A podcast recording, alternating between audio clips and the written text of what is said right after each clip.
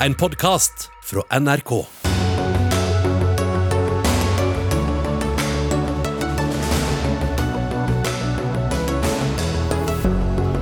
Smittetallene stiger, og de er altfor høye, sier folkehelsedirektør Camilla Stoltenberg.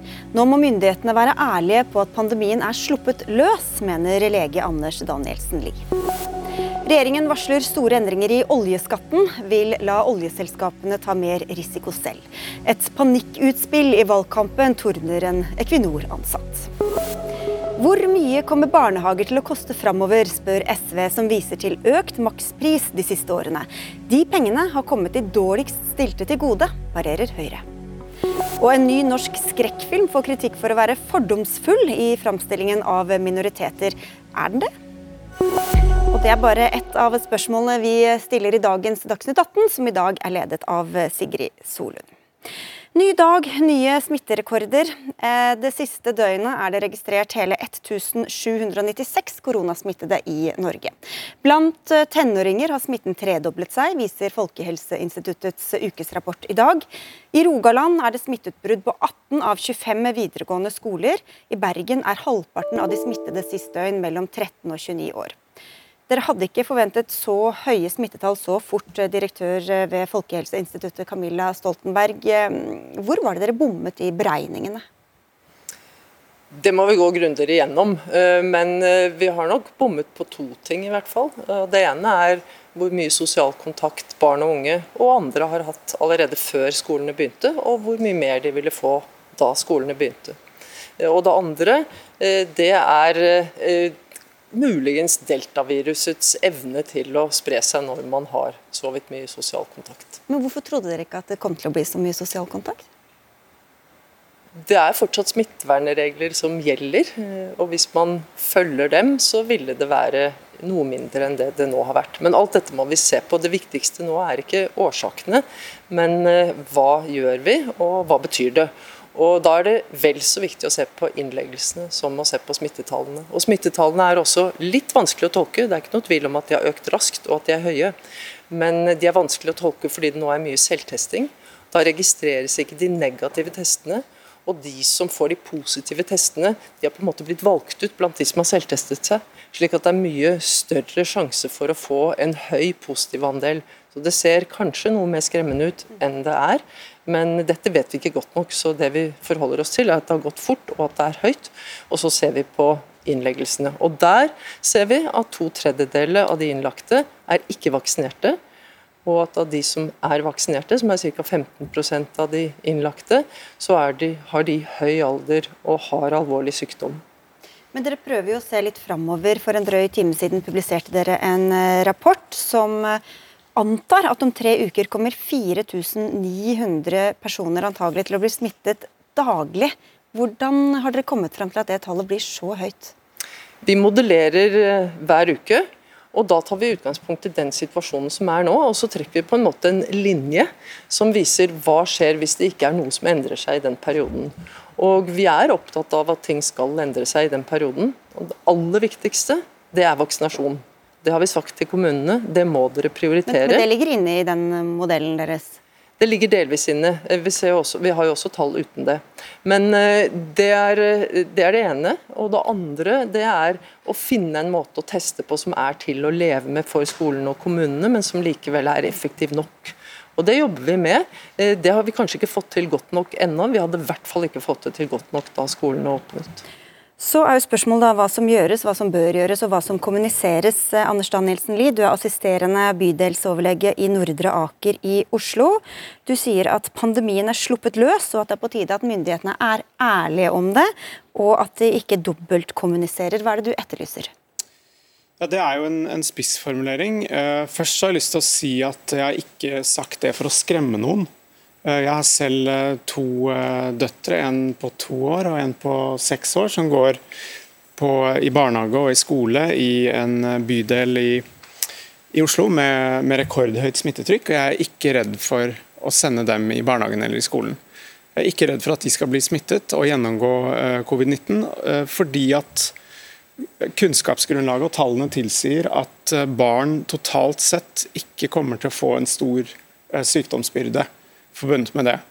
Men mitt poeng er at eh, jeg mener at sentrale helsemyndigheter nå eh, har et stort kommunikasjonsproblem. Fordi de på den ene siden sier at eh, pandemien er ikke lenger så farlig, det er så mange som er vaksinert, vi må tåle mer smitte. I samme pressekonferanse forrige torsdag så sier dere at smitteutviklingen er alvorlig. Og Det er et motstridende budskap som jeg tror folk henger seg veldig opp i. Og Det merker jo vi veldig godt på bakkenivå. Vi får Eh, fryktelig mange henvendelser fra folk som er forvirret og urolige eh, eh, pga. dette.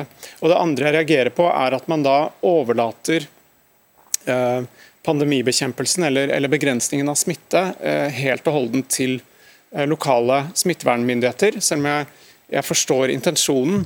Problemet er at vi, er, vi har en situasjon hvor vi er på grønt nivå med deltavirus. Og en smitteutvikling vi aldri før har sett maken til. Og vi opplever ikke at vi har uh, reelle virkemidler til å, å utøve den kontrollen som dere i praksis ber oss om. Vi tar det første først, for vi er flere her som mener litt om grønt nivå om skole- og barnehagesektoren. Helseminister Bent Høie, har dere kontroll? Eh, vi har kontroll, men vi har ikke så god kontroll som vi skulle ønske. Og Det er vi de første til å Den smitteutviklingen som er nå, den ønsker vi ikke, og hadde ikke ønska heller. Og Det betyr at eh, vi må jo eh, ta inn over oss at her har vi ikke fått ting til. Og Det er ikke helt unaturlig, for vi gjør ting vi aldri har gjort før.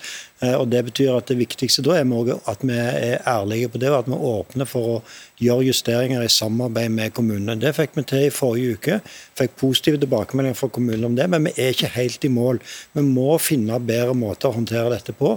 Og vi må være veldig enda tydeligere fra både regjeringens side og fra helsemyndighetens side på at vi støtter fullt ut de kommunene som f.eks. nå innfører gult nivå i skolen for å beholde kontrollen, og ikke minst for å oppnå det som var målet med grønt, skole, eh, grønt nivå, nemlig at flest mulig barn og unge skal være i skolen. Men mister en kontrollen på smitten, så blir jo barna hjemme likevel. og Da er det bedre å ha et regime på skolen som er gult nivå. Som tar høyde for det. Men du sier dere har litt kontroll, da. Men hva, hva, med denne dobbeltkommunikasjonen? Ja, altså, Hvor alvorlig er, det egentlig? Jeg er ikke enig i at vi dobbeltkommuniserer, men jeg, jeg er helt enig i at det er mye vanskeligere å kommunisere nå. For begge de tingene vi sa, er jo sant. Og vi har jo vært veldig opptatt av å være ærlige og åpne i kommunikasjon. Og jeg kan ikke stå ved en pressekonferanse og f.eks. skape et mye mer eh, eh, skape et bilde av at situasjonen er mye mer alvorlig enn er. Ikke legge vekt på at vi er i en annen situasjon nå når folk, folk er vaksinert. Men jeg, er den, jeg, har sagt det før, litt eh, for å bruke ting på spissen igjen, sånn som du har gjort, at det er lettere å stenge enn å åpne. Eh, og Spesielt nå når vi er i en helt ny situasjon der mange er vaksinert. og Det er òg noe av utfordringen vår i å kommunisere råd og regler. For jeg forstår at den enkelte som er fullvaksinert, syns nå at det gjerne er litt vanskelig å følge rådene og reglene våre, men de gjelder fortsatt. Ja, jeg har bare lyst til å si at uh, hele uh, dette systemet er tuftet på tillit. Mm. Vi, vi, er avhengig av befolkningens tillit for oppslutning om vaksinasjonsprogrammet. Eh, og etterlevelse av smittevernregler. Og Dårlig kommunikasjon det, det kan føre til eh, redusert tillit. og Det er ganske alvorlig. Eh, og eh, Når du sier gult nivå, så eh, jeg, jeg, stiller meg litt uforstående til at det kan være et effektivt instrument akkurat i den situasjonen vi er i nå, særlig i områder med høyt smittetrykk. fordi at Resten av samfunnet er på grønt nivå, og det har dere bestemt. At samfunnet skal være åpent. Og Det hjelper ikke at en skole Og dette er en stor rigg for en skole. ikke sant? Å, å rigge til for gult nivå. Og det hjelper ikke at elevene er på gult nivå eh, på skolen når de kommer hjem og, og er på grønt nivå ellers. Men du, skal, du, skal, få svare, men vi skal få inn deg også, Bjørn Sigurd Hetland. Du er lokallagsleder for Utdanningsforbundet i Bærum. Hvordan syns du at systemet fungerer nå? Akkurat nå så ja, Hvordan jeg syns det fungerer? Jeg syns det ikke fungerer. Det blir på en måte som å trekke ut eh, proppen i begge ender, når vi da eh, skulle på grønt nivå og ikke hadde karantener. Hvis vi hadde vært på grønt nivå, men karantene fram til du hadde en eh, negativ prøve, så hadde det funka. Eh, og det er ingen av våre lærere som har lyst til noe annet enn å eh, være på grønt nivå. Det er ingen barn som har lyst til noe annet enn å være på grønt nivå. Men nå tør ikke ungene å gå på skolen. Nå tør ikke foreldre å sende dem på skolen. Er det mange som ikke sender ungene på skolen? ja. Jeg fikk tekstmelding fra min datter på 10. trinn. I hennes parallellklasse så var det syv barn på skolen eh, forrige dagen. Eh, av 30. Eh, og da setter det på en måte ja, For meg, eh, som da jobber ute i en kommune og ser tallene og snakker med lærere og får meldinger fra foresatte og snakker med ungdommene, så er det så rart å høre at vi har kontroll. Det er veldig rart. Når vi har 20 klasser som har smitte på Sandvika videregående, så høres det rart ut. Det, det føles ikke som kontroll. Men jeg håper virkelig at det er sant. Bent Høie, nå er det jo da opp til hver enkelt skole. Hvor godt fungerer det da, vil du si? Sånn det er ikke opp til hver enkelt skole. Hver enkelt det, det, er sånn det har vært lenge, uh, opp til hver enkelt kommune. Fordi det er veldig ulik situasjon i landet. Mange kommuner er jo i en situasjon der det ville vært helt urimelig å hatt skolen på eh, gult nivå og hatt begrensninger på barna sine fritidsinteresser. For det er også sånn at eh, Vi gir også kommunene råd om at innfører en tiltak i skolen, så må en òg vurdere tiltak eh, på fritiden til barna. For Jeg er helt enig i din beskrivelse at det hjelper ikke å bare innføre tiltak for skolen hvis alt er som normalt ellers. Og så er det jo viktig at vi andre eh, som ikke er barn, at vi òg er flinke til å følge de rådene og reglene som fortsatt gjelder i samfunnet. For Norge er ikke åpnet opp, vi har fortsatt en pandemi. og Der ser vi også dessverre at etterlevelsen etter de rådene og reglene har eh, sunket, og vi har behov for å minne befolkningen om det. Men eh, Camilla Stoltenberg, er det nå sånn, så lenge, og jeg forstår Dere har ikke ennå kommet med noe råd om vaksine fra for, si, vanlige barn eller de som ikke har underliggende sykdommer mellom 12 og 15 år? Det kommer en eller annen dag snart? Det kommer veldig raskt. Kom snart. Ja. Men, hva, men, for de som er under 12 år, da, så er det jo fortsatt litt i det blå. Må man bare regne med at alle etter hvert blir smitta, eller? Vi må regne med at uh, veldig mange av de barna blir smittet. Uh, det tåler de godt. Uh, for dem er ikke koronavirussykdom så farlig. Det betyr ikke at det ikke kan være alvorlig for noen, men det kan også mange andre sykdommer som barn blir utsatt for. Så det er med i beregningen, liksom? Plan, det er med i planen? Nei, det er ikke, det er ikke med i planen, men det er en konsekvens av den situasjonen vi er i, der det foreløpig ikke er noen vaksiner som er godkjent for barn under tolv år, og der det heldigvis er slik at det er veldig liten risiko for dem. Ja, Jetland? Ja, nei, eh, For meg da, som snakker mye med lærerne, så er jo akkurat det du er inne på her nå, som er det vanskelige. For meg som har to vaksiner i armen, så kan jeg fremdeles bli syk. Det har jeg erfaring med fra egen kommune, der vi har fullvaksinerte lærere som blir syke på jobb. Eh, problemet er at vi vet ikke hvem av våre elever som har underliggende sykdommer, hvem som er i en risikogruppe og alle skal være samla i et klasserom. Og det er det som er vanskelig. Før vi har en test, så skal alle barna være der. Og selv om jeg hadde hatt et koronasykt barn hjemme, så skulle jeg som fullvaksinert møte på jobb og undervise de 30 barna i et lite klasserom. Og for meg som lærer så kjennes ikke det greit. At jeg kan risikere å ha med meg smitte inn, så gjør det vondt. Jeg vet ikke hvem av mine barn som har astma, eller hvem som har en mamma som er på kreftbehandling. Og det er vondt. Og det vil jeg at folk skal på en måte høre. Og dette tenker vi på, og dette tenker ungdommene på. Hver eneste dag. Målet for vår del er jo å støtte både kommunene, skolene, lærerne og hele befolkningen når det gjelder å vite hva som er risikabelt, og hvor risikabelt det er. Og for de langt fleste barna, inkludert en god del av de som har andre sykdommer, så er koronavirussykdom ikke spesielt farlig sammenlignet med andre sykdommer som ikke gjør at vi har noen spesielle forholdsregler. Eh, og Det er viktig å få formidlet. I tillegg så vil vi sikre skolene på andre måter ved å finne fram til testregimer som er håndterbare, er til å leve med, slik at vi fortsatt kan ha mer eh, overvåking, følge tettere med på situasjonen. Og hjelpe de som skal drive skolene åpent, hvis det er mulig. Og også om de skulle velge å gå til gult nivå i enkelte kommuner. Det er jo veldig mange avveininger og hensyn å ta, Anders Danielsen. Du savner bedre kommunikasjon, men hva, altså, når, så lenge det er trygt for de aller fleste, vi vil ha det så åpent som mulig, samtidig som vi vil begrense smitten. Hva, hva er potensielle løsninger, sånn som du ser det? Nei, løsningene Nå er jo, eh, altså, nå er jo vaksinasjon det viktigste smittebegrensende eh, instrumentet. Så det er utrolig viktig at eh, tempoet opprettholdes, og at flest mulig uh, får vaksinert seg som kan det. Og så ruller man jo nå ut massetesting i skolene. Det kommer i veldig stor grad til å erstatte eh, karanteneinstituttet og det testopplegget man nå driver med. og Det vil jo avlaste de som skal drive med, med smittesporing framover. Det vil også avlaste de skolene som i akkurat nå gjør noe av den jobben som smitteteamene ellers ville gjort, men som de ikke klarer å ta unna. Men vi er avhengig av klar målstyring, Eh, klare strategier og ærlighet rundt konsekvensene av den strategien man har valgt. Også fordi det er viktig for fornuftig eh, bemanning og dimensjonering av eh, f.eks. smitteteam i, i, Oslo kommune. Men er det ikke det de sier, ukene, da? Vi, vi må regne med at mange blir syke, men sånn er det bare. Det er ikke ønsket at det skal bli sånn. Nei, jeg skjønner det! Jeg skjønner, jeg skjønner at ikke det er en del av planen, at det ikke er ønskelig, men at, at det kanskje bare er sånn at det blir. Vi må regne med at noen, en del, blir syke, og særlig gjelder det de barna, eller i hvert fall smittet. 20-30 av barn i alderen 0-17 år får ingen symptomer når de blir smittet. Og langt de fleste, nesten alle, får lette symptomer. Ikke sant? Så, de så det er, er viktig farlig. å få formidlet. Men det mente bare si, var det du beskrev, var jo egentlig mer eller mindre den strategien vi hørte fra Det er helt riktig. og så, så, så, er jo vi begge enige i at kommunikasjonen har åpenbart ikke vært god nok. Eh, for det, eh, vi ser konsekvensene. Og de forslagene til eh, måten man skal teste på for å erstatte karantene, har heller ikke vært holdbare, for de har vært uhåndterbare for kommunene og for skolene. Bent Høie, vi hørte at Noen tør ikke å gå på skolen, noen tør ikke sende barna sine på skolen. Mange blir sendt hjem ja, nå må vi være i karantene resten av eh, uka. Hva er opplegget for de barna, da, når ikke det er på rødt eller oransje nivå, sånn som vi har tidligere, eller gult nivå? da?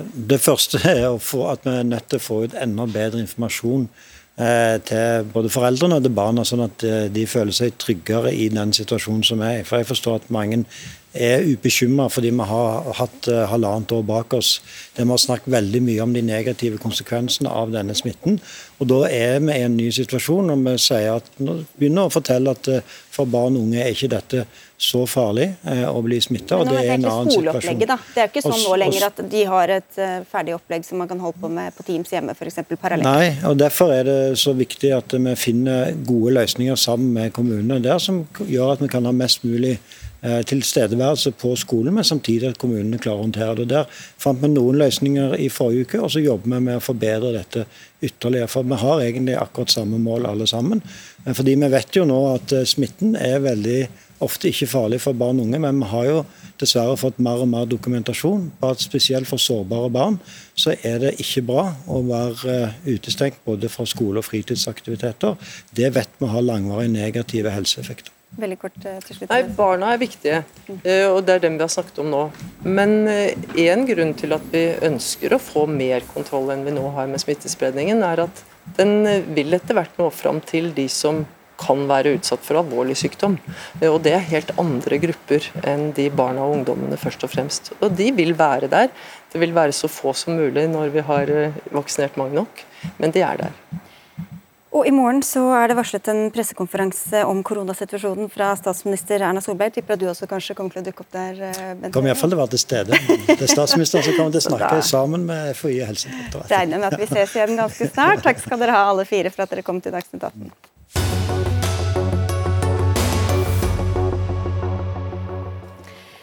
Eskil Vogts film 'De uskyldige' får kritikk for å framstille folk med minoritetsbakgrunn på en fordomsfull måte. Filmen som kommer på norske kinoer om to dager, er en skrekkfilm som handler om barnslig lek som utvikler seg til noe mørkt og skremmende. Den har vært vist både på filmfestivalen i Cannes og i Haugesund i forrige uke. Og Der så du den, Adel Khan Farouk. Du er selv filmskaper, og du sier til Dagsavisen at du reagerte da du så filmen. Hva var det du bet deg merke i da? Um, dette er jo en film som omhandler barn um, i løpet av en sommerferie, hvor uh, barn får lov til å være litt mer for seg selv. Og Det jeg og veldig mange andre reagerte på, uh, var jo at uh, det er tre familier i denne filmen. her. To av disse familiene har minoritetsbakgrunn, mens den hvite familien, da, den hvite etnisk norske familien, kommer veldig um, heldigere ut av den framstillingen. Dette er en film som egentlig ikke handler om minoriteter, men det er nettopp det at når kontrastene blir så store da, mellom disse familiene, så er det nettopp det det ender opp å handle om. Uh, den ene minoritetsspråklige familien uh, uh, altså Begge familiene er ikke der for barna sine. Den ene moren er voldelig. det ender opp med at den ene gutten her ender opp som drapsmann. og i den andre familien så får ikke jenta mat. Mens i den, andre, i den, tredje familien, som er etnisk norsk, så har de eh, en større omsorg. Da. Og det tenker jeg på en måte, når det, når det ikke er en film som handler om minoriteter, så, blir, eh, så gjør det nettopp det, når kontrastene blir så store.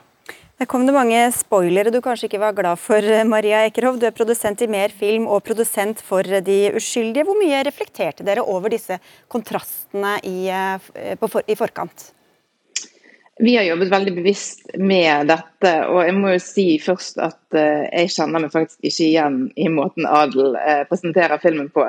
Det er ikke riktig. Altså, uh, det er for det første ikke to minoritetsspråklige familier. Det er to familier med melaninrike, der den ene familien ikke har noen annen kulturell bakgrunn enn norsk.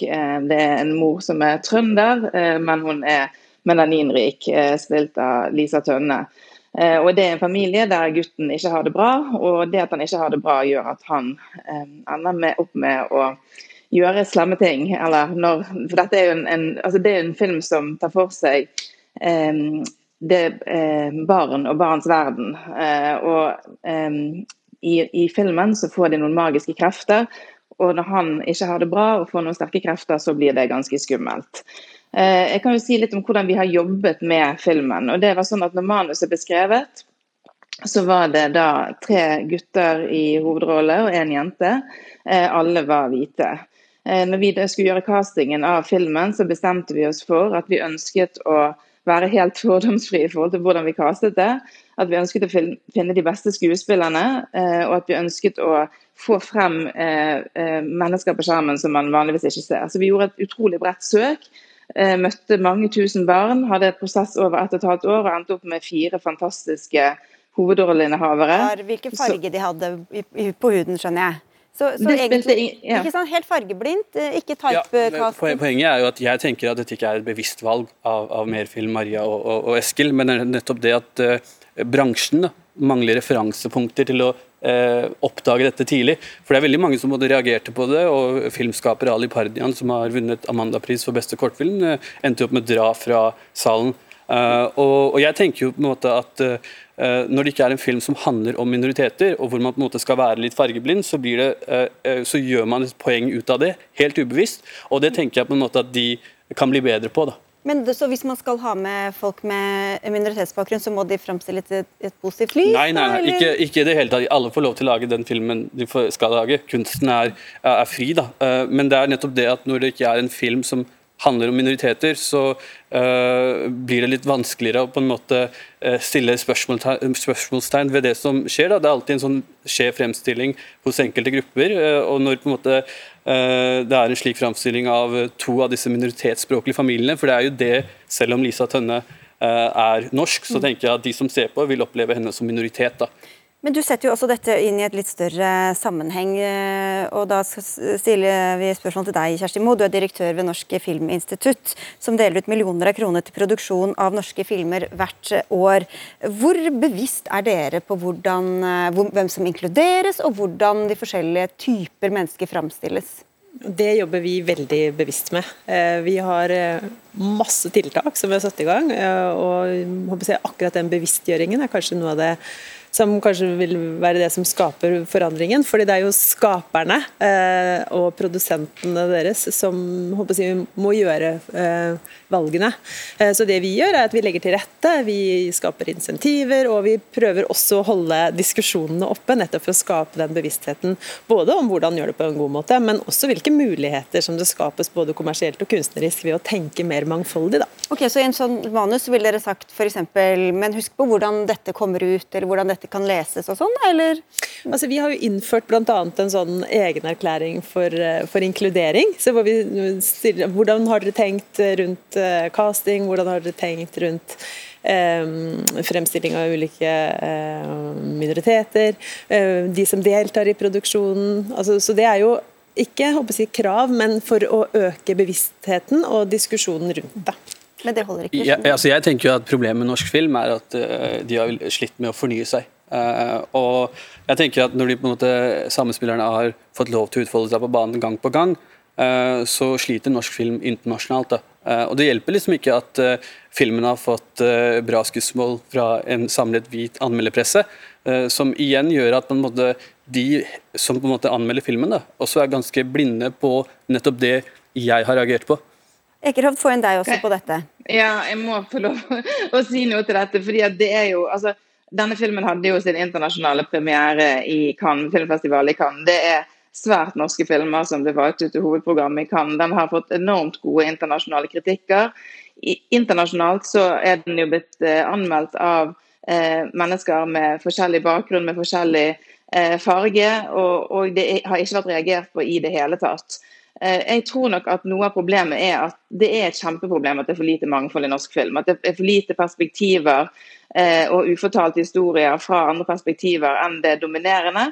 Og Det gjør kanskje at når vi da får en film som har eh, minorit altså minoriteter eller melaninrike i noen av rollene, så, så det den, altså får det fokus på denne måten. Men jeg syns det er utrolig synd at den fremstillingen som Adel kommer med, får være liksom, får være gjeldende nå. fordi det, er, det han sier, opplever ikke jeg er riktig beskrivelse av filmen vår, rett og slett.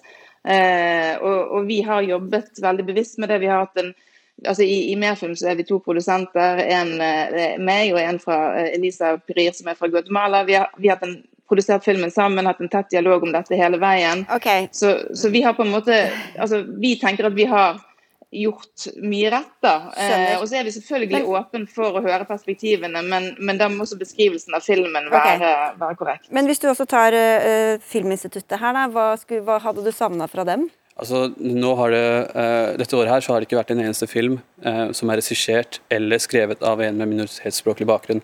Uh, det er altfor dårlig, og det på en måte vet jeg at NFI erkjenner. nå har de satt søkelys på det, da, og det på en måte jeg er redd for, at nå som, nå som jeg har fått sånne mangfoldskrav, at det er produksjoner der ute som på en måte kommer til å bruke nettopp eh, mangfold for en måte eh, Altså bruke minoritetsspråklige i rollene for å få penger til å lage produksjonen. Og Det er det som jeg tenker at eh, her må NFI være veldig bevisste da, rundt hvordan den pengebruken her kommer til å brukes i framtida. Dette er liksom eh, offentlig, altså våre Hvordan penger. Hvordan skal de skille deg mellom hva som er genuin omtanke Nei, altså jeg for tenker, at, liksom, jeg, jeg, jeg, jeg, tenker at kunsten skal være fri, først og fremst. Ja, hvordan og de, blir den det hvis du skal ha masse krav til du skal Nei, ha men jeg tenker at Det må være en større bevisstgjøring. Da. De er ikke bevisste på det. De har ikke, de har ikke på en måte, referansepunktene til å på en måte, forstå dette. her, og De kan høre dette her, eh, og bransjen kan høre dette her, men det er liksom, de hører det, og så går det ut gjennom det andre øret. Ok, vi til deg. Jeg hadde bare lyst til å si at Vi har jo gjennom det siste året gitt eh, tilskudd til produksjon av spillefilm med, eh, hvor både manus og regi eh, har minoritetsbakgrunn, urfol urfolksbakgrunn osv. Så videre. sånn at jeg tror jo at vi kommer til å se kan det fort bli sånn pynt på kaka? Nei, ikke det hele tatt, for det er kjempegode prosjekter. Det er kjempegode prosjekter, og det er derfor de har fått eh, tilskudd. Og så er det veldig bra at det representerer en bredde, som vi også trenger i norsk film, med litt ulike perspektiver. Så jeg tror det går rette veien, og jeg tenker at det, vi lærer jo veldig også av å få sånne diskusjoner som dette her. Men jeg må jo si at De skyldige er en veldig god god film òg, da. Så, Og, og Og flinke skuespillere. og Barna er veldig Ja, de er flinke. altså. kjempe- De er veldig flinke. Da er alle fornøyd, og den som vil se selv, kan se gå på kino om to dager. Takk skal dere ha, alle tre. Adel Khan Farouk, Maria Ekerhovd, som også er produsent, og Kjersti Moe fra Norsk Filminstitutt.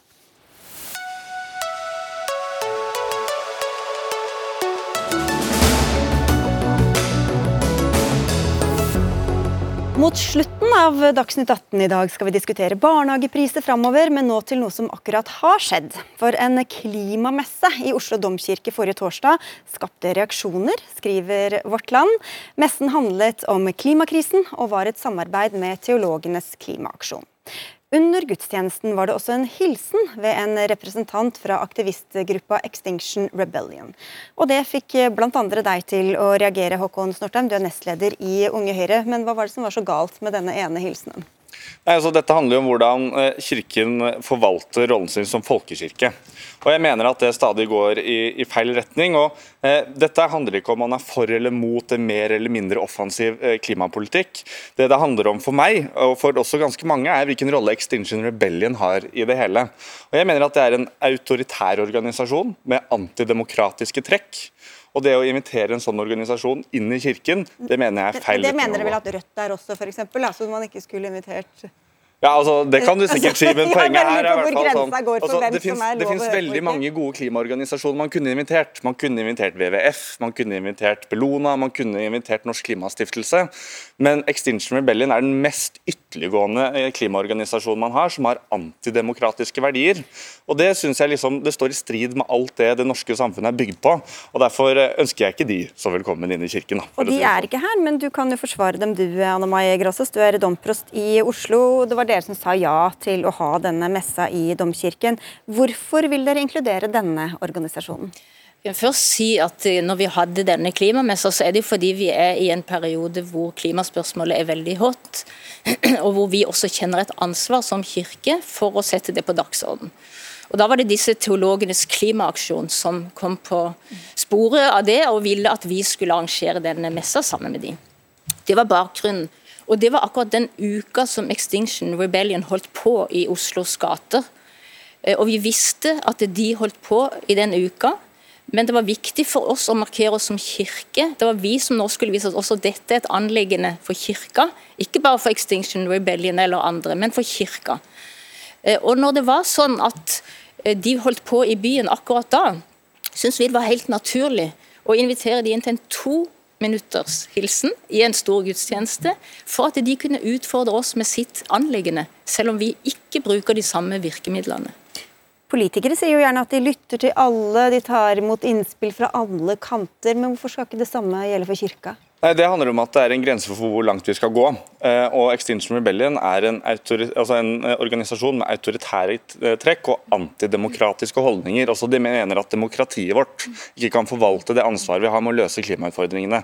Det mener jeg at vårt demokrati kommer til å klare å få til. de har tre krav. Myndighetene må si sannheten om klimasammenbrudd og økologisk krise. At myndighetene tar tak nå, og at de styrker demokratiet. Ja, og Det skal vi gjøre, og vi skal nå målene i Parisavtalen. Det er ikke problemet, men problemet er at det er en organisasjon som har antidemokratiske holdninger. Og Så føyer dette, for å løfte denne debatten litt, da, så føyer dette seg inn i listen over eh, tiltak og ting Kirken mener, som f.eks. at de har sagt nei til oljeleting fra før, at eh, de har uttalt seg om hvor mange kvoteflyktninger man skal ta ifra eh, fra Moria-leiren f.eks.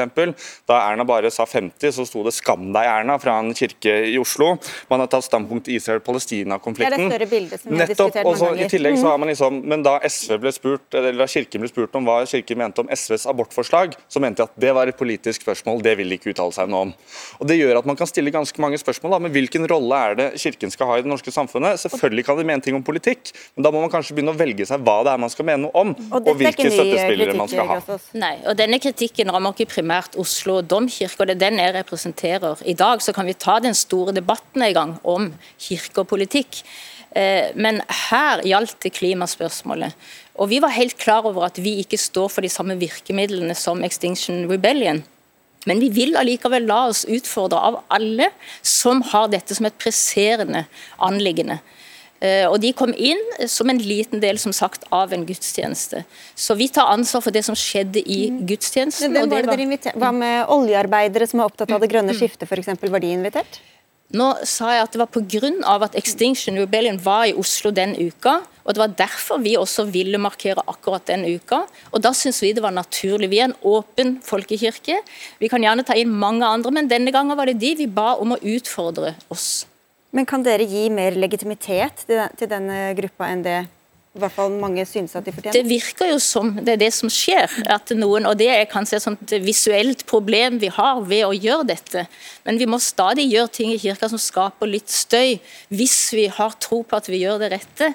Og når vi vet veldig godt selv at det var ikke deres virkemidler vi anerkjente, men det var deres anliggende, det presserende anliggende som også kirka har. Og det er vel en 2000 cirka år gammel tradisjon at kirka skal bry seg om å ha innover seg Jo, jo, men altså, Det er helt greit. og Kirka skal selvfølgelig få lov til å mene noe om politikk, men så har den litt, uh, handler det også litt om hvilke politiske spørsmål det er man tar stilling til. Det er mange andre organisasjoner man kunne invitert som også mener at vi skal klare å løse klimautfordringene med demokratiet i hold. Det er det som er forskjellen. Det mener ikke Extinction Rebellion. Og nå er det sånn at eh, altså, Medlemstallene til Den norske kirken den går ned. Det begynner jeg stadig å skjønne, og jeg vurderer nesten mitt eget medlemskap også. Når spørsmålet er hvilke organisasjoner man skal invitere inn, og det i tillegg er organisasjoner som representerer autoritære trekk og antidemokratiske holdninger. Ja, Det er din påstand, akkurat det siste som ikke jeg kan ettergå nå. Men at de har andre virkemidler enn det kirka bruker, det er helt sikkert. Eh, og alt dette andre som du nevner, det, det, er vi også opptatt av. Vi er opptatt av alle samfunnsspørsmål som angår mennesker i folkekirka. Men det som er vårt eh, ansvar, det å holde fram problemstillinger, reflektere etisk og teologisk over de, og så må politikere og enkeltmennesker ta sine valg. Og det, det er her jeg tenker at jeg forstår det du, det du, spurte om, at det er noen som med en gang de hører Extinction Rebellion og Oslo domkirke, så er det full fyr på peisen. Men, men eh, jeg tror dere kjenner Oslo domkirke såpass godt at dette gjorde vi med overlegg, og dette betyr ikke at vi eh, ikke tar våre verdier på alvor. Da blir du værende litt til, da, så får vi se hvordan det går. Håkon Snortheim fra Unge Høyre, takk skal du ha. Og takk til deg, Anne Mai Grasås, domprost i Oslo.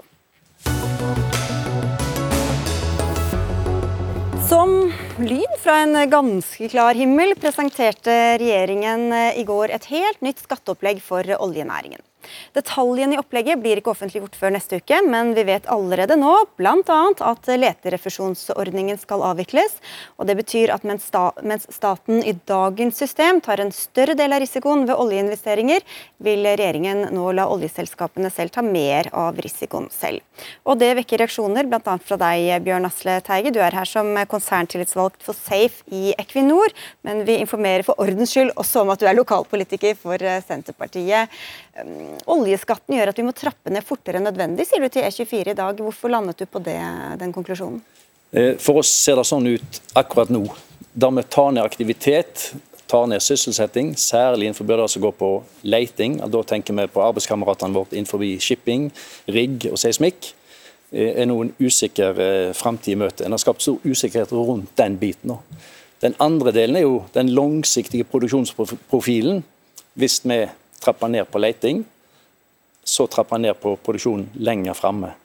Og Det er jo to elementer. Det ene er jo selvfølgelig det politiske, at en skyter dette ut i valgkampen. Det andre er det industrielle, som vi er opptatt av. Hvordan en skal utvikle industrien på veldig lang sikt, altså 20 år. Og sysselsettingen knytta til dette. da. Politikken og valgkampen kan vi komme litt tilbake til om litt. Men Tone Christian Tiller, du er statssekretær i Olje- og energidepartementet. Kommer dette, eh, som dere varslet i går, til å føre til mindre leting etter olje og gass enn det ellers ville vært?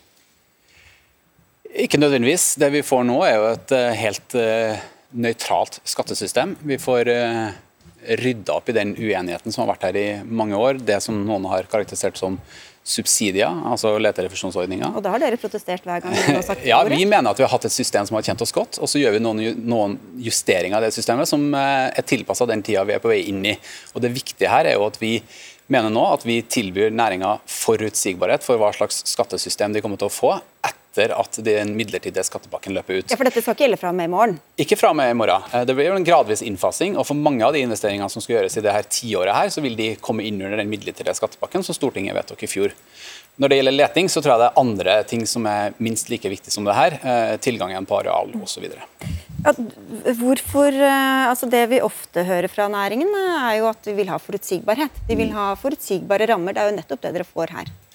Forutsigbarhet har vi jo hatt i den ordningen som har vært. det var en ny forutsigbarhet ja, med andre rammer. Han kan bli litt annerledes. Men det som er viktig, både med leiting og produksjon, at vi trenger det i tiårsvis framover. Så hvis det skaper usikkerhet rundt dette, særlig for de mindre selskapene jo, men Er det så mye usikkerhet, da? Enten Hvis de endrer systemet, så er det jo sikkerhet om det nye systemet, da, enten man er enig ja. i det eller ikke?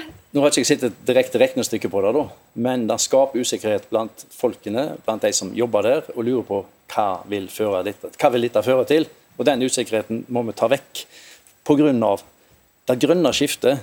Du trenger flere tusen milliarder dollar til å bygge dette opp. Og det er kun overskuddet fra disse selskapene som kan føre til det. Det er ingen som har så mye penger uten at du reinvesterer dette gjennom et par tiår. Så er det viktig. Hvis den produksjonskurven faller fort, så forsvinner mye av dette. så du skal, ja, men, det, det går, ja, men er du enig at så lenge vi, altså Dersom de nå lander på at sånn blir systemet framover, sånn skal vi ha det i de neste 20 årene. Da er det forutsigbart. Det kan være, da. men usikkerheten har de skapt. okay, og regnestykket ligger bare, Jeg har bare lyst til å si at jeg forstår jo at uh, bransjen i dag, og tillitsvalgte i bransjen sånn, sitter med en del spørsmål.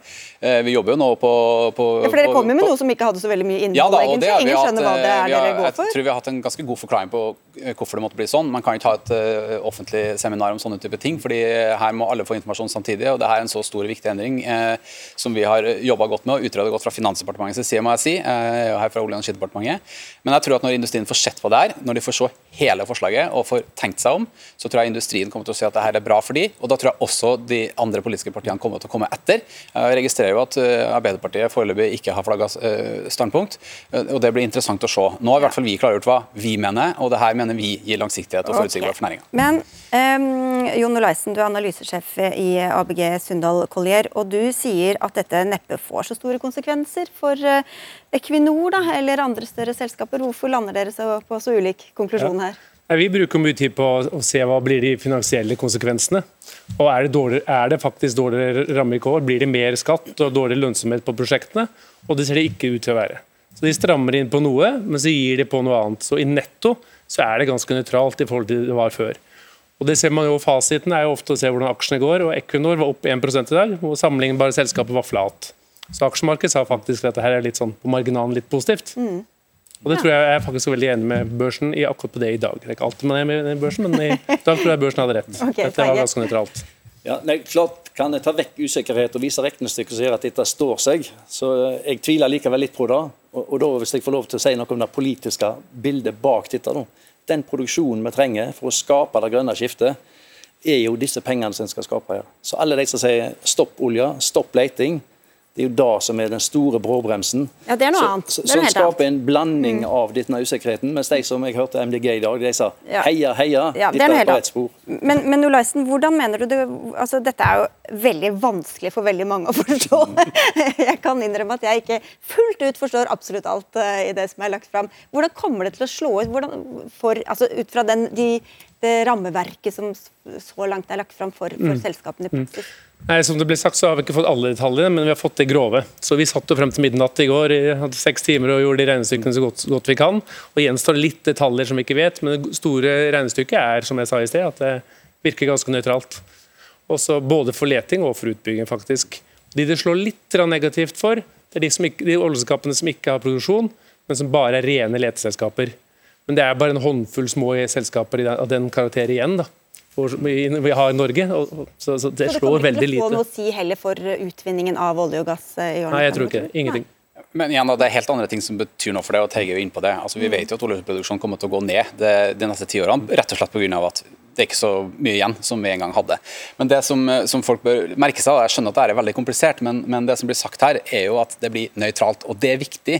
Hva, hva betyr det? Jo, det betyr at nå får vi et system som i enda større grad kan gjøre oss sikre på at skattesystemet i hvert fall ikke stimulerer til at det blir noen uh, ulønnsomme investeringer. Mm. Det er det som har vært det store temaet i debatten om olje og klima. Har vi hatt et system som, uh, som har hatt et subsidieelement i seg? Og, og, Det er vel derfor jeg registrerer at mange har vært fornøyd med forslaget på den måten. Uh, men, nei, men så, så, Vi har hatt et system som har kjent oss godt frem til nå, og så gjør vi noen justeringer som gjør at det er tilpassa for framtida. Og for næringa vil jeg si at det her det gir de forutsigbarhet, og det er det de verdsetter fremfor alt. Men så er det til dette at hvorfor er dette riktig nå, når bare fire måneder siden din uh, sjef, uh, olje- og energiminister uh, Tina Bru, sa at dette var, disse rammevilkårene ga en utvikling på sokkelen som vi var tjent med. Hva er det som har skjedd siden da? Jeg regner med du sikter til kanskje det, den diskusjonen som var på Høyres eh, landsmøte eh, også. Eh, og Det, det var et forslag som, som, er helt annerledes egentlig det vi legger fram i dag. Der uh, snakka man om å gjøre endringer i det, det gamle systemet. Stortingsrepresentant Heidi Nordby Lunde skriver på Facebook at forslaget er akkurat det samme de foreslo i programkomiteen tidligere. Da er jeg ikke helt enig med Heidi om, Heidi om det. Men, men, det er riktig at man fjerner de elementene som har vært veldig mye diskusjon om, fri inntekt og letterefusjon, for de som er bevandra i denne debatten. Mm. Men det er det jeg tror folk trenger trenger å vite og bør være opptatt av, det er at nå får vi et skattesystem som sørger for at uh, det her er et spleiselag mellom fellesskapet men og oljeselskapene. Jo, nei, hvorfor nå? Ja. Jo, fordi at uh, denne midlertidige skattepakken, uh, da må du levere investeringene innen desember neste år. Sånn at Når vi legger fram det her nå, så vet oljeselskapene og de som skal utvikle sokkelen videre, hva slags system de har å forholde seg til etter hvert som den midlertidige skattepakken fases ut. Hadde vi venta med det, så hadde vi skapt større usikkerhet. Mm. For Olaisen, dette med å ha et nøytralt system er vel noe mange økonomer har tatt til orde for i ganske mange år?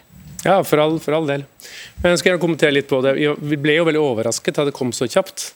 Og Det var f.eks. ikke lagt ut en engelsk versjon av pressemeldingen. Så i dag var det flere investorer, amerikanske investorer i Equinor, noen av de største investorene, som ringte med seg hva er det som skjer? Hvor er den engelske pressemeldingen? Så kom bare ut på norsk, og det kommer veldig brått uten at uh, du var heller ikke informert, f.eks. Så det, liksom, det, er veldig uvant at det ikke kommer ut, at det ikke er mer dialog i forkant. Et panikkutspill, sier du? Ja, altså jeg ser at eh, Regjeringspartiene har ligget litt dårlig på meningsmålingene og kommer her nesten som et skudd fra hofta. En sånn ting som dette bør varsles. Brei høring, diskusjon i skal man kalle det for fredstid, ikke i valgkamp. Men det blir, en føler da, da. det, blir, det blir nå en bred høring. Det skal på tre måneders høring. Så skal det fremmes en proposisjon for Stortinget, og det er Stortinget som bestemmer hvordan det her blir til slutt. Nå har dagens regjering vist hvilket system vi mener er, er riktig, og det er ikke noe mystisk med det her, annet enn at eh, sånne type ting eh, kan man egentlig ikke eh, ha et seminar om i det offentlige rom. Dette er godt utreda, det er ikke noe Hvorfor kunne dere ikke komme med detaljene nå? mens Jeg tror vi hadde-? Ja, eh, nei, altså Nå jobber Finansdepartementet med å få det ferdig så raskt som overhodet mulig. Hvorfor sa dere fra før det jeg forklarte? Nei, det er jo klart nesten samtidig her, da. Men eh, poenget er jo at eh, jeg tror vi hadde også fått den samme kritikken hvis vi La oss tenke oss at vi skulle komme med det her dagen etter valget valget, f.eks. Så tror jeg vi har også blitt mer med den samme type kritikken. Nå har vi vist hvilket system vi vil ha. Vi Men dere har jo ikke det når dere Jo ikke da, vi har det. fordi at det det, det, alt det vesentlige substansen i hva dette betyr, det er nå kjent. Og så er det jo litt sånn at djevelen er detaljen for noen. Det kommer eh, i løpet av få dager, og, da får næringa gå eh, gjennom alt det vi har foreslått. Vi får se det når det kommer, men vi skal ha inn en eh, til her når det gjelder akkurat dette med timing og valgkamp, som jo mange peker på akkurat nå. Magnus Takvam, politisk kommentator her i NRK. Vi hørte altså i dag tidlig nestlederne i partiet Jan Tore Sanner og Tina Bru satt og jobbet med dette mens landsmøtet stemte ned et forslag som kanskje, kanskje ikke, var ganske likt det som ble lagt fram nå. Hva er reaksjonene internt i partiet på at dette kommer nå? I Høyre var det jo, bortsett fra den kretsen som, som satt og jobbet med det, like overraskende eh, som for alle andre.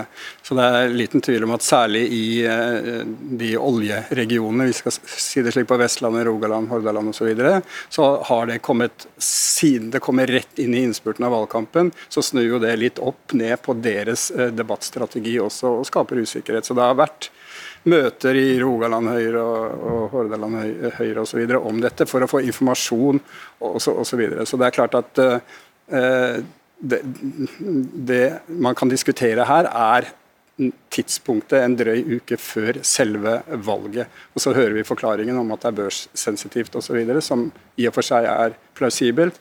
Men man, det ideelle hadde jo vært å ha noen, noen måneder kanskje på forhånd. og, og, og liksom latt det synke litt. Så det er klart det er, jeg, vurderer det slik at det har med valgkampen å gjøre dette også, å skape et momentum. Mm. Og ikke minst to uker etter at FN kom med sin siste klimarapport, som jo også satte klimaendringene på agendaen også på en litt annen måte enn det hadde vært eh, tidligere. Vi hørte fra tidligere her at Arbeiderpartiet har ligget veldig lavt. Vi har jo også forsøkt å få dem i tale, de sier veldig lite. Hva kan de gjøre med, med spille inn på valgkampen og på de andre partiene? Altså, jeg tror at Arbeiderpartiet før pandemien og før det som da også ble denne veldig omdiskuterte oljeskattepakken i fjor, som var en del av kriseløsningen så å si, for denne næringen, før dette så lå det an til at Arbeiderpartiet tror jeg, ville ha en prosess der de kanskje kom til å ende omtrent der hvor eh, på en måte med, med etter de prinsippene vi snakker om nå, med, med nøytralitet osv. Og, så videre, og unngå feilinvesteringer. Så det er klart at Den måten dette skjedde på nå, eh, snudde jo opp ned på, på, på en måte deres egen prosess også, og, og skaper et press på Arbeiderpartiet om å vise kortene før de har gjort disse veldig krevende interne forankringene med LO og industrien, som Arbeiderpartiet, som er, har står på begge disse beinene i, i, i debatten, må gjøre. Så det er klart at det, det har blitt en krevende situasjon for flere her, dette. Men tror du det var også en del av greia, at de ville presse Arbeiderpartiet Altså, eller opp mot veggen, det- eller hvor man skal Det avviser selvfølgelig de, de vi snakker med, men, men uh, uh, i Høyre, blant folk jeg snakker med i Høyre, så er det liten tvil om at de også analyserer det slik at dette er en del av, av valgkampen. Og det er klart at også Høyre, Nå blir i hvert fall Høyre relevante i valgkampen. De blir til stede i debatter og, og synliggjør sin politikk. Og eh, Det er interessant at det er ett av de store, altså de to store såkalte styringspartiene som nå, om enn det er et relativt lite skritt, gjør et skritt i en retning eh, før Arbeiderpartiet. Så det er en interessant dynamikk ute og går her. Ja, for Hvor mye det fikk å si, det var vi ikke helt enighet rundt bordet om. Men vi får se når det kommer detaljene i neste uke. Så får vi si takk til dere i denne omgang. Tony Tiller fra Olje- og energidepartementet, Bjørn Asle Teige, konserntillitsvalgt for Safe i Equinor, og Jon Olaisen, analysesjef i ABG Sundal Collier, og til Magnus Takvam.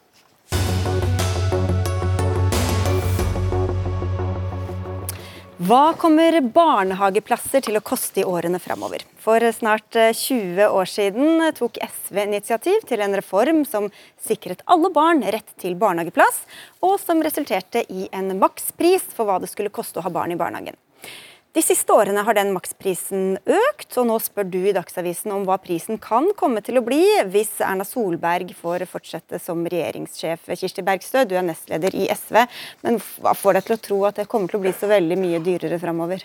Det er fordi vi har sett at eh, regjeringa har økt barnehageprisen. Og hvis eh, de fortsetter med den samme kurven, den samme økningen som, eh, som de har hatt til nå, så kan jo det se ut som at en, bar, en, en barnefamilie vil måtte betale 40 000 kroner for en barnehageplass i 2025. Og Det er grunnen til at vi rett og slett spør om det finnes en grense for Høyre, og om man kan love barnefamiliene at man vil stoppe opp den prisøkninga på barnehage Eh, som de har eh, fortsatt med. Fordi det er jo eh, både usosialt å øke utgiftene til, til barnefamiliene så mye, og en viss forutsigbarhet må vi kunne forvente. Men samtidig, maksprisen har økt marginalt mer enn prisjusteringen ellers, så det er veldig bratt er jo ikke den kurven. Det er jo veldig interessant at man snakker om prisjustering på barnehage, men ikke når det gjelder fagforeningsfradrag eller, eller barnetrygd eller andre typer eh, tjenester. Det er jo helt andre grunner til at barnetrygda har økt. Eh, så det kan jo ikke være sånn at når det er utgiftssida til barnefamiliene, ja, men da er liksom prisjustering eh, et, et argument, mens det ikke er det når det er snakk om om, eh, om ytelser. Mathilde Tybring-Gjedde, stortingsrepresentant for Høyre. Det er blitt dyrere og dyrere, og hvor dyrt kan det bli? Altså, det har jo ikke blitt dyrere for familier med lav inntekt. For det SV unnlater, eh, litt bevisst vil jeg si, å nevne sitt regnestykke, er jo at 50 000 barn får nå tilbud om gratis kjernetid. Vi har målretta støtten til familier med lav inntekt. Dette er familier som under SV sin tid måtte betale flere tusenlapper dersom de overhodet valgte å sende barna sine i barnehage. Jeg er veldig stolt av den omfordelingen. Det at vi nå sikrer at det er rekordmange barn som går i barnehage, og at andelen barn med minoritetsbakgrunn har økt veldig kraftig, fordi man nettopp har målretta ordninger til familier som har lav inntekt og fattige barn. Eh, og så er jeg opptatt av at den lille økningen vi har gjort i makspris, har gått til flere barnehagelærere, det har gått til flere ansatte, det har gått en dobling av videreutdanning av de ansatte i barnehagen, slik at også barnehagen har høyere kvalitet. Så Samlet sett så har det vært et solid løft for barnehagesektoren. Og så har Høyre ikke noen planer om å øke maksprisen, så der kan SV være helt trygge. Men, så det, eh, for det som ligger i bunnen her, som du sier, er jo hvorvidt man skal måte, målrette tiltakene, gjøre det billigere for noen, eller man skal ha universelle ordninger så det er billigere for alle. på en måte. Så det du kritiserer Høyre for, er jo egentlig at de ikke fører SVs politikk, da. Eh, det jeg kritiserer Høyre for, det er at de gir med den ene hånda, og så tar de med den andre. Eh, og Det ser vi at eh, det er økninger som har kommet f.eks. i, i, i barne... Nei, det gjør jo ikke det. Politikk handler om omfordeling og hvor man skal satse. Og Når man har økt barnetrygd, ja, så øker man også barnehageprisen, sånn at det spises opp for barnefamiliene. Men, Hvorfor er det bedre Men, at alle får en billig barnehage, enn at noen av de som absolutt trenger det mest, får det mye billigere? Det, det som er urettferdig, er jo at de som betaler for at eh, Høyre og regjeringa eh, har redusert barnehageprisen for dem som har dårligst råd i dette landet, det er de andre barnefamiliene. Og Det er jo der urimeligheten er. Fordi at denne regjeringa gir mer til dem som har mest, og så tar man samtidig jo, fra folk flest. Det er fortsatt en makspris, og det er, kjempe, altså, det er, jo ikke sånn at man betaler det det faktisk koster å ha barn i barnehager. Så hvor får du det fra at det er de som betaler for alle de andre? Fordi at maksprisen har økt, eh, og fordi at det er veldig eh, få som kan si at den tida der ungene er små, er en tid der man har veldig god råd. Men, eh, og men, da er det jo veldig rart at for at man skal satse noe på de minste, ja, så må man sende den regninga til de andre men, barnefamiliene. Dette, dette er, og så men, ønsker jo vi eh, definitivt å redusere maksprisen, sørge for at, eh, at eh, flere kan, kan delta, eh, og også ha en områdesatsing. For vi vet at pris eh, og det å delta eh, i barnehage eller SFO, det har en veldig tett sammenheng.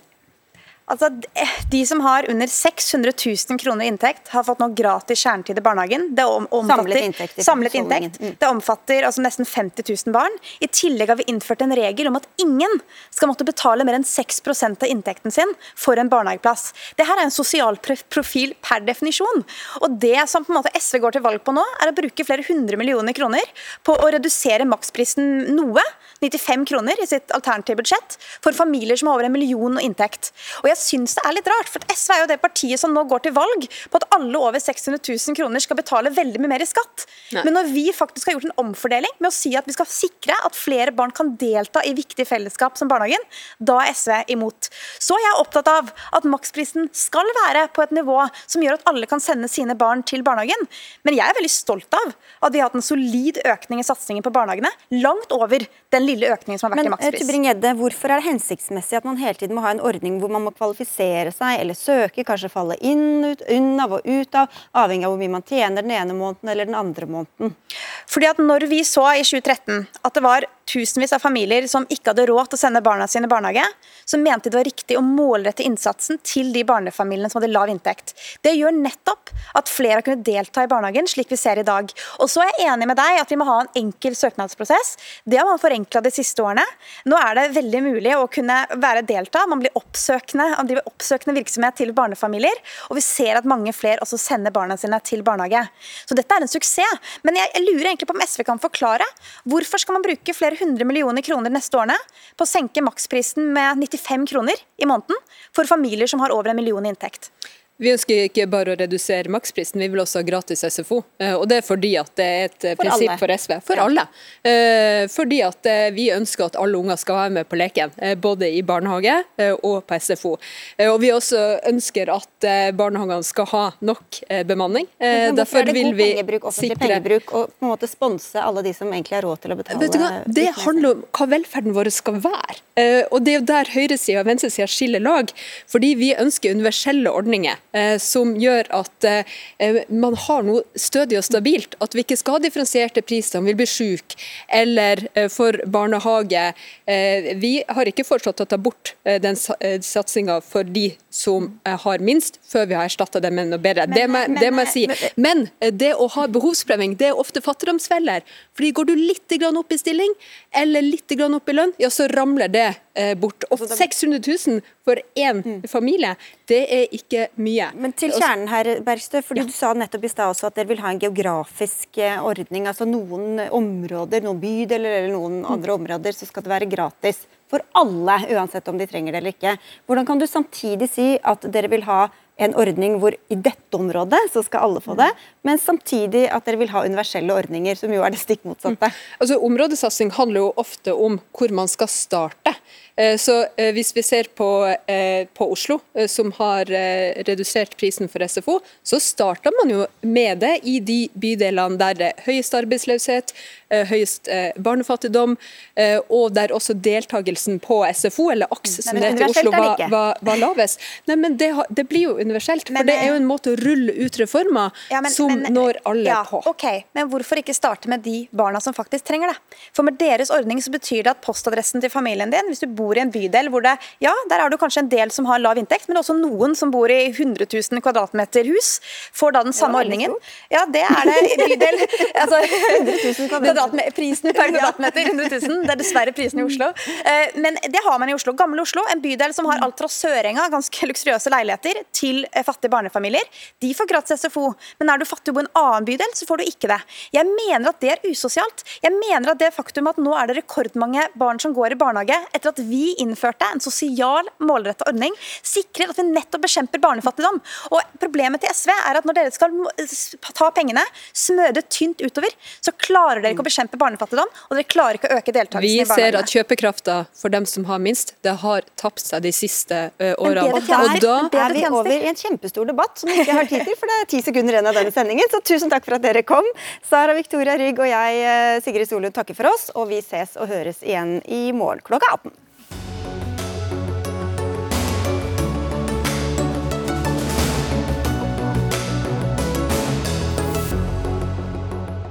Du har hørt en podkast fra NRK. Hør flere podkaster og din favorittkanal i appen NRK Radio.